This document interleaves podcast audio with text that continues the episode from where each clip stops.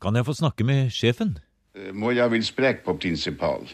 Det blir eh, han, Jeg vil snakke med sjefen. Og da mener vi sjefen om bord i en Pomor-skute, som ligger et sted ved Finnmarkskysten for 150 år siden, fullastet med rugmel og tømmer. Og skipperen kan russenorsk og svarer på det samme rare røverspråket. Ja, for eksempel Strasvi, strasvi, vær, vær på moi skip ligge ned, chai drikkom. Vær så god, kom om bord og, og drikk te. Og Hvis det gjaldt klokkeslettet, så var det mangoli klokka på ju. Hvor mange er klokka di? Det står 1964 på dette opptaket med Fritz Goldmann fra Hammerfest i NRKs arkiv. Han var da en av de aller siste som selv hadde deltatt i pomorhandelen, og som selv hadde brukt russenorsken, et blandingsspråk som oppsto i møte mellom de russiske handelsmennene som kom fra Kvitsjøen hver sommer inn til Finnmarkskysten for å bytte mel og tømmer mot fisk de skulle salte og ha med tilbake. Pomorhandelen hadde pågått i flere hundre år da den opphørte med den russiske revolusjonen. Men restene av dette merkelige språket gikk aldri helt i glemmeboka. Og hvis vi besøker forskningsdirektør Ingvild Broch ved Universitetet i Tromsø og sier moja på tvoja Da tror jeg at du tenker på russenorsk. Ja. Og det var et språk som ble utviklet mellom nordmenn og russere. Eh, Og sannsynligvis ikke bare mellom nordmenn og russere, men det vi har overlevert i dag, der ser det ut som det først og fremst er mellom nordmenn og russere. Men vi har noen finske ord inni det, og vi har noen samiske ord inni det. Og vi tror jo at både kvener og samer også har vært inne i utviklingen av språket. Kjøtt var det knapt om dyrt var det òg. Sånn har det bålet het og her glad. Men fisk og poteres levde vi på. Sånn har det bålet faller i kjøtt og potetes treng ikke potetes. Sånn har det bålet het og vær glad. Men fisk og potetes kan ikke etes uten potetes faller i håra.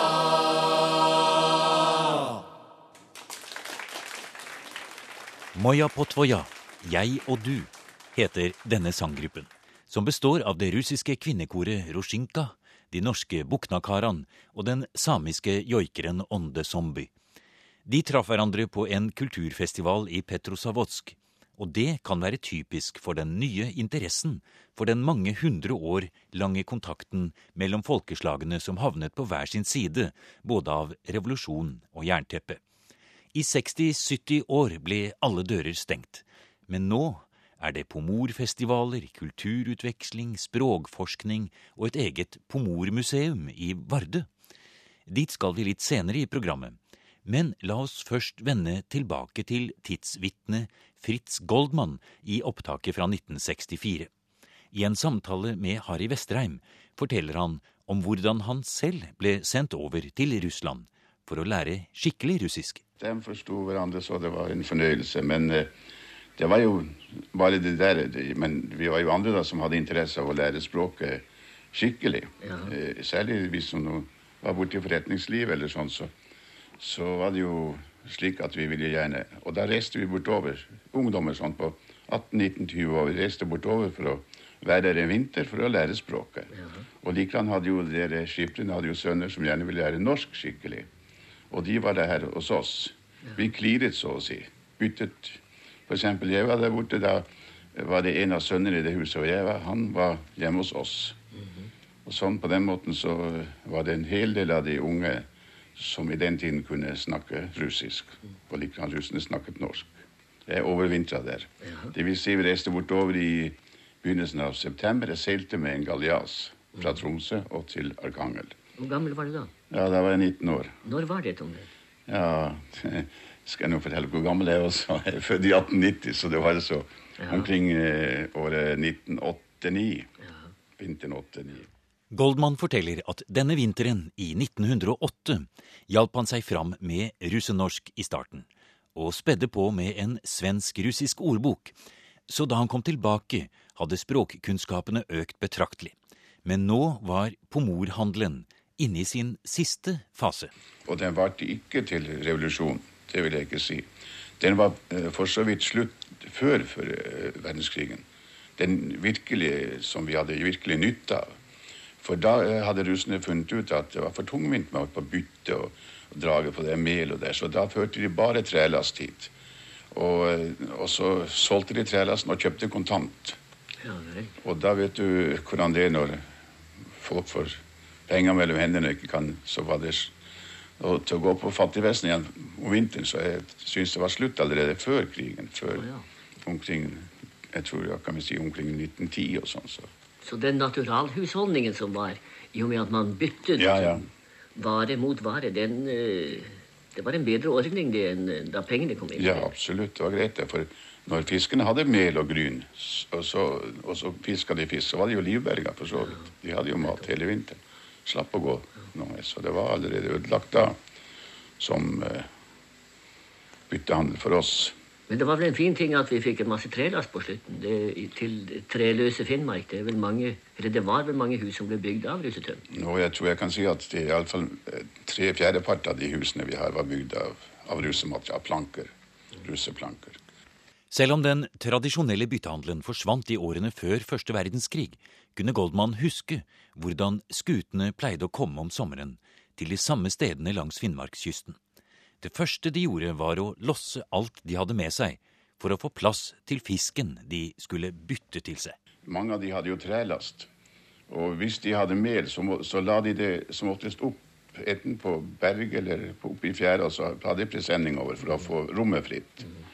Og da kjøpte de selvfølgelig f.eks. salt. Det kjøpte de jo for å salte fisken, De salta fisken. Og da kjøpte de det her.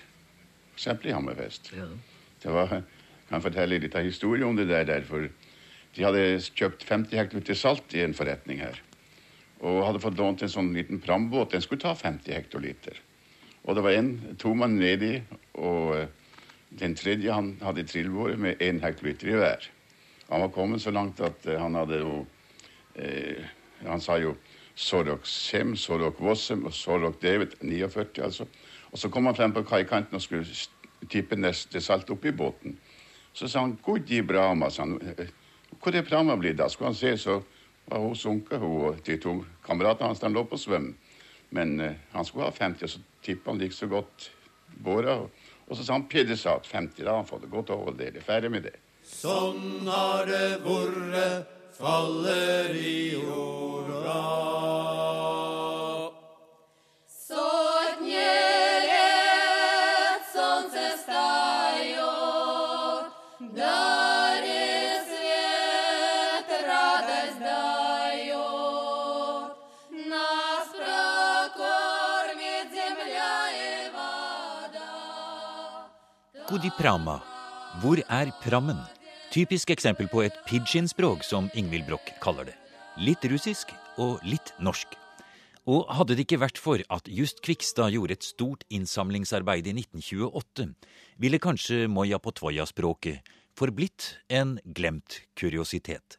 Slik forskerne for en stor del så på russenorsken bare for noen få tiår siden. Men det som er spesielt med russenorsk i forhold til de fleste andre beskrevne pidgin-språk, det er at vi har ord både fra norsk og russisk i dette språket. Mens i et pidgin-språk som er mellom en kolonimakt og innfødte, så vil det være ord stort sett fra kolonimakten. I russenorsk er det omtrent halvparten norsk og omtrent halvparten russisk. Og Det syns vi er veldig interessant, og det syns andre språkforskere også er interessant. For det sier noe om holdningen som har vært mellom nordmenn og russere, faktisk. Eh, Og så er det jo dette spesielle med det språket. Man har ikke verbbøyning på samme måte som man ellers skulle kunne vente å finne i en skal vi si, normal grammatikk. Eh, Og det er også mange andre spesielle kjennetegn ved skal vi si, den manglende grammatikken. Ja, vi kan godt si at det er manglende grammatikk, for dette er jo en veldig enkel form for språk.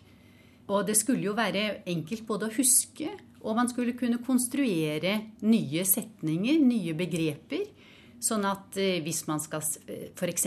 snakke om i morgen eller i overmorgen, så, så sier man på morgendag. Det betyr i morgen. Og på morgen morgendag, det blir da i overmorgen. Og så lager man konstruksjoner. Eh, F.eks. kirke. Da, da har vi flere eksempler på at man sier eh, hus hvor man vasker små barn, dvs. Si døper. Eh, Sånn at det er en veldig stor språklig fantasi inne i denne typen språk. Og det gjør det også veldig morsomt for språkforskere. Ja, Vi snakket jo om dette moja på tvoja, altså meg, moja, og tvoja, deg. Og så er det den mellom på. Det er en preposisjon som man bruker nesten til alt i russenorsk. Ja, det gjør man faktisk. Den brukes på den måten vi bruker på på norsk. Men nå er det slik at i russisk har de også en preposisjon på. Og det er klart det styrker opp om bruken av den. Sånn at på skal du si 'min klokke', f.eks., så sier man 'klokka på moja'. Akkurat. Vi har mange verb som slutter på om, på om. Eh, Og det har språkforskerne lurt lenge på hvor kunne komme fra. Eh, Og for eksempel så kan vi alle 'to sleep' på engelsk og sove. Og dette her var jo maritime miljøer, ikke sant? Og å sove bruker man da 'sleep om', altså som er det engelske 'sleep', og som er denne endelsen 'om'. Og det har vært veldig mange teorier om hvor om kunne komme fra. Jeg mener den kommer fra nordrussisk. Så enkelt tror jeg det er. Det er bare det at sannsynlig, sannsynligvis har de som har skrevet om dette før, ikke kunnet så mye om nordrussiske dialekter. Så hvis jeg sier eh, moja slipom, så betyr det at nå skal jeg gå og legge meg. Ja, det gjør det. Men en ting, eh, Brokk, når vi er inne på dette med den russiske delen av det. Finnes det noen nedtegnelser av russenorsk i kilder på den russiske siden? Altså, Vi hadde jo håpet, da, når åpningen mot Russland kom, at vi skulle kunne finne noe gammelt nedtegnet materiale i arkangelsk. Det har vi ikke gjort. Eh, Men ved å gå gjennom en del reiselitteratur på russisk side, så har vi funnet litt, men det er veldig lite. Det er vel egentlig kanskje litt rart å tenke på, Brokk, at et språk som ble snakket eh, helt på det laveste grunnplanet, på grasrotplanet, mellom en eh, melselger og en eh, fiskeselger, og mellom mennesker som aldri tenkte på at dette skulle bli vitenskapelig forskning på, og som bare forsvant av seg selv. I dag så er man veldig opptatt av russenorsk. Det blir studert, og det er morsomt å kunne vite litt om det, og du får henvendelser fra folk. Hvorfor har det blitt sånn? Jeg tror at folk For det første så er jo folk interessert i Russland. Og i Nord-Norge er Russland spesielt aktuelt. Det kan man jo bare se på at det dukker opp pomorrestauranter og pomorfestivaler og det ene og det andre. Men jeg tror at folk føler at de her kommer tilbake til røttene sine. Når jeg har vært rundt og snakket litt om russnorsk, det har jeg vært ved en del anledninger, så har jeg ofte fått kommentarer om ja, men da jeg var liten, da spiste vi kleba hjemme. Og det er brød, altså, på russenorsk. ja. Og, og kleba, det var da rugbrød. Ja. For russerne hadde jo med seg mye rugmel. Hva, hva heter brød på russisk? Klep. Ja, Det er det samme ordet Ja, ikke sant, ja. som det er på russisk. Eh, Jeg har også opplevd at det har kommet studenter til meg og sagt at blant julekakene hjemme så hadde vi prenika. Og prjanik, det er altså honningkaker i Russland. Og de prenika de var ikke honningkaker, men de var tørre kaker som, man kunne, som kunne holde seg lenge. Det er vel kanskje sånn, Brokk, at eh, selv du som er en av de som kan aller mest om dette her, du sier ikke nei takk til noen eh, nye ord og eksempler på russenorsk heller? Nei, det vil jeg gjerne ha. Så hvis noen eh, hører dette og kan noen ord, eller kjenner til historier hvor man har brukt dette blandingsspråket, så vil du gjerne ha beskjed. Ja, det vil jeg veldig gjerne. Og det er jo slik at om det er et ord som vi kjenner fra før av, så, så vil vi gjerne vite at dere husker det ennå.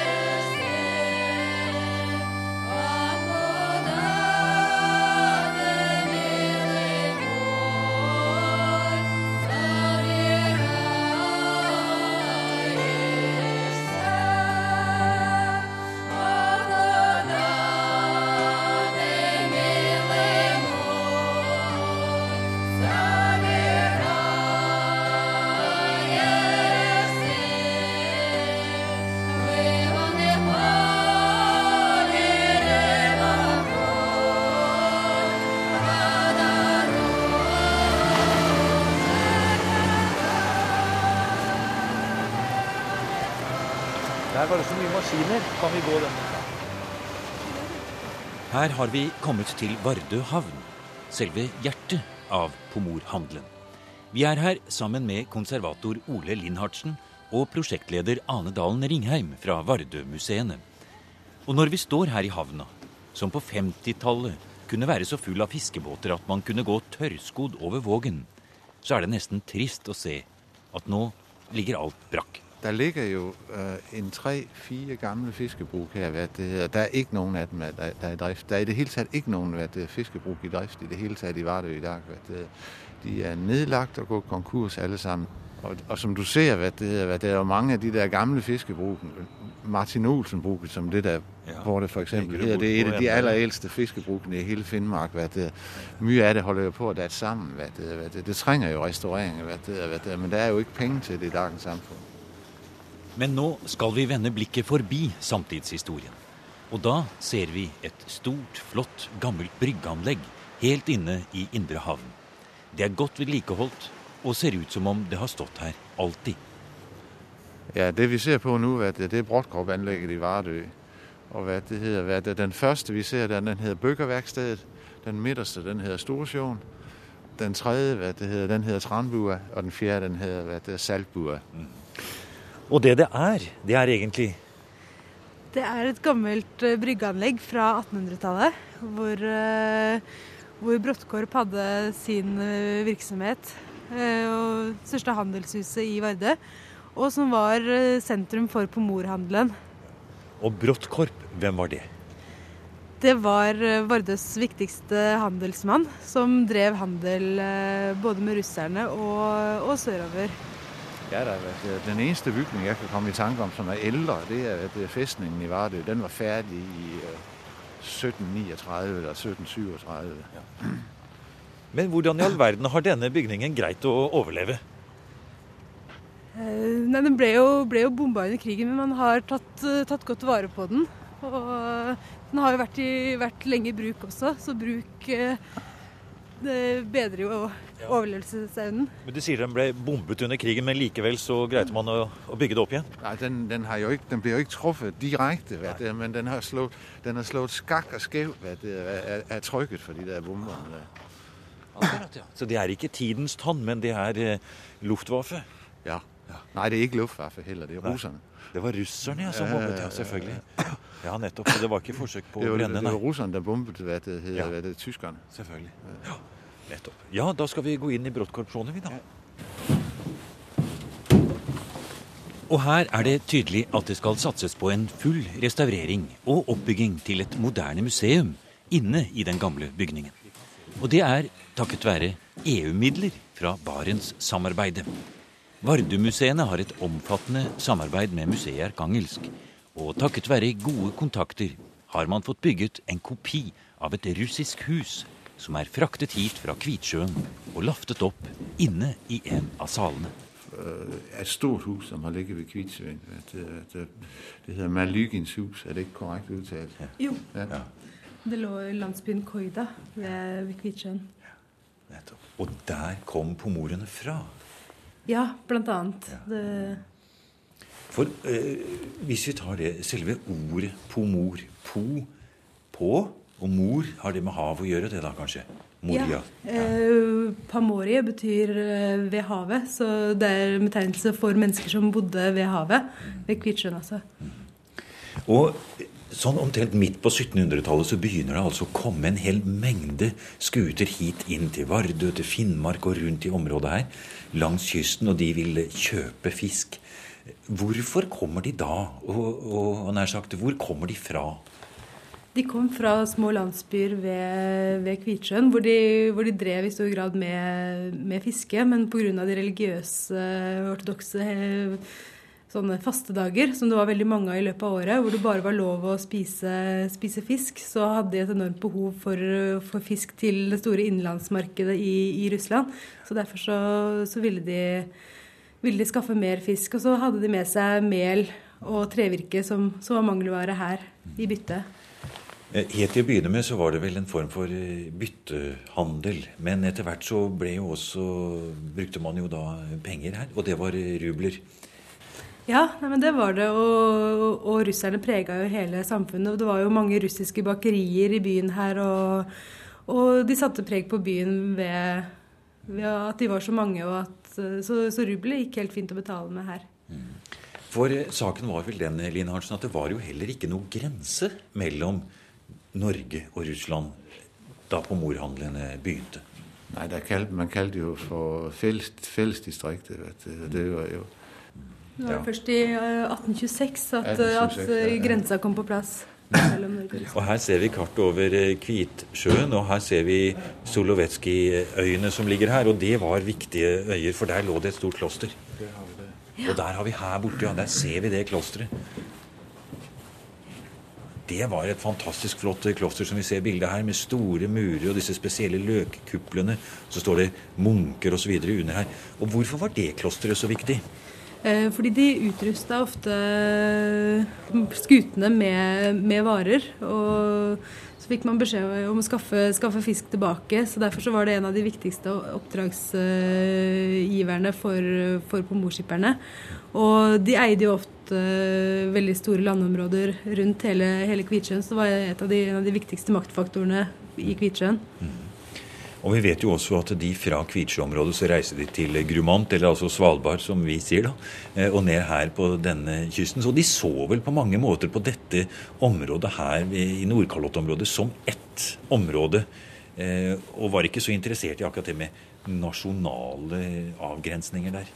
Nei, og de hadde jo også, de hadde jo også klostre i, i Neiden og, og i, i ja, Pechenga-klosteret. Så de så jo på, på det området som ett. Og de sendte jo også ut, uh, ut folk til de klostrene.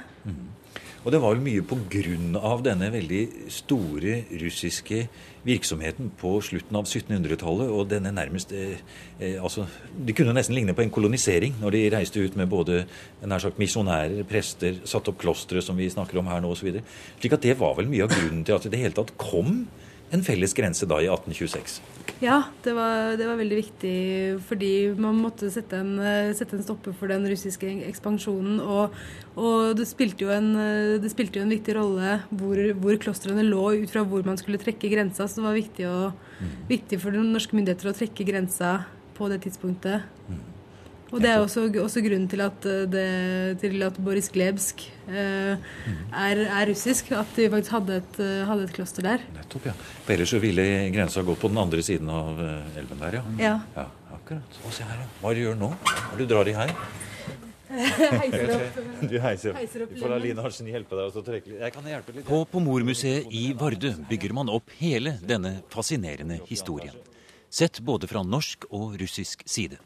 Og rammen kunne ikke vært bedre inne i dette store handelshuset, som vitner om at pomorhandelen var en rik og omfattende handel, med flere tusen tilreisende russere i sesongen. Her lukter det i hvert fall tørrfisk. Det gjør det, ja. Ja. Det gør det. Et stort loft som vi er oppe på her nå. Ja, her var det jo flott. Ja, det er kjempefint. Og her, her kan man se en del etterlevninger av, eh, av de russiske sesongarbeiderne som jobba på, i bygningen her også. De har skrevet, uh, skrevet ting. Hvis du ser på, på hele, alle Å, veggene ja, det rundt kan vi her, se så rundt hele, ja. På dørene der. Ja, så har de etterlatt navnetrekk og ja. 1912 står det der borte, ja. ja. 1908 der borte. 1908 der, ja.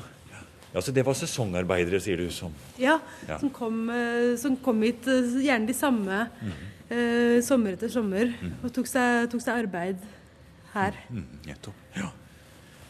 Og det var vel da på den perioden man hadde en egen dampbåtforbindelse også da herfra også til eh, Arkangelsk? Ja, det var to båter, eh, to dampskip. Den ene het eh, Lamanosov, og den andre het Imperator Nikolai, som gikk, eh, gikk her og brukte, ja, brukte, brukte vel fire, fire dager herfra til Arkangelsk og stoppa da innom alle, alle de små stedene på Kola, Kolakysten. Og hvis du kikker ut av vinduet her, det, Gamle Grand Hotel ja, som ligger der, ja. Den boede jo vet du, bemidlede vet du, russiske vet du, handelsfolk og rike turister, vet du, når de var i Vardø. Det ble bygget, eh, bygget for, å, for den turismen som man så for seg skulle, skulle komme. da. Men isteden så kom Så jo kom jo revolusjonen. revolusjonen, ja. Og dermed så ble det ikke så mye turer den veien, nei. Ja, Moja på Tvoja skal jeg oversette det som Så er det midt min og din eller sånn, men jeg vil jo si at eh, skal vi ha noen definisjoner på det, så jeg ville kalle det for uh, du og jeg. Og Betyr det at vi jobber i lag? Eller Ja, du- ja, du, jeg på tåa? eh, Vi skrek. Vi to skal snakke sammen, for eksempel. Ja. Det var, sånn var det. Du har nå hørt programmet Museum som podkast fra NRK. Museum sendes i NRK P2 på lørdager og søndager. Du finner flere programmer på nrk.no podkast.